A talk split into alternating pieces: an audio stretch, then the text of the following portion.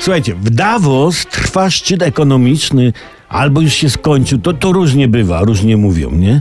Wielcy tego świata oraz nasz prezydent i premier dyskutują na temat głównych społecznych i ekonomicznych problemów planety, czyli konkretnie jak ukryć przed nami, że zapieprzamy za miskę ryżu, co jest konieczne dla rozwoju świata, kon konkretnie dla tych w Davos.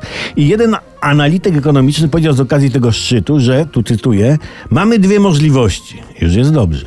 Albo rację mają ci, którzy patrzą na sytuację rynkową i twierdzą, że czeka nas recesja, albo ci, którzy patrzą na wydatki gospodarstw domowych, spadające bezrobocie i rosnące pensje i widzą w tym tylko oznaki spowolnienia. Ktoś musi być w błędzie, twierdzi. Mądrze powiedział, jasne, zawsze ktoś jest w błędzie, nie? Tłumacząc tę wypowiedź z bełkotu na nasze, można powiedzieć, na dwoje babka wróżyła. No? W sumie wiadomo, że będzie kryzys, nie wiadomo tylko kiedy, za miesiąc czy za pół roku. Ludzie potracą pieniądze, no ale no cóż, najwyżej liczba tych 26 osób, które mają tyle pieniędzy, co połowa świata, zwiększy się do 27 nic się nie stanie więcej. Kryzys nie dotyczy tylko jednej grupy osób. Szczęśliwi są bowiem ci, którzy nic nie mają. A co dopiero ci, którzy mają kredyt we frankach? Oni to są dopiero szczęśliwi, bo mają minus nic.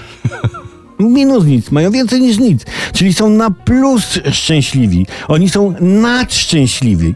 Więc chyba rację mieli ci, którzy wciskali te kredyty we frankach. Oni wiedzieli, oni wiedzieli, że uszczęśliwiają ludzi. No tak jest.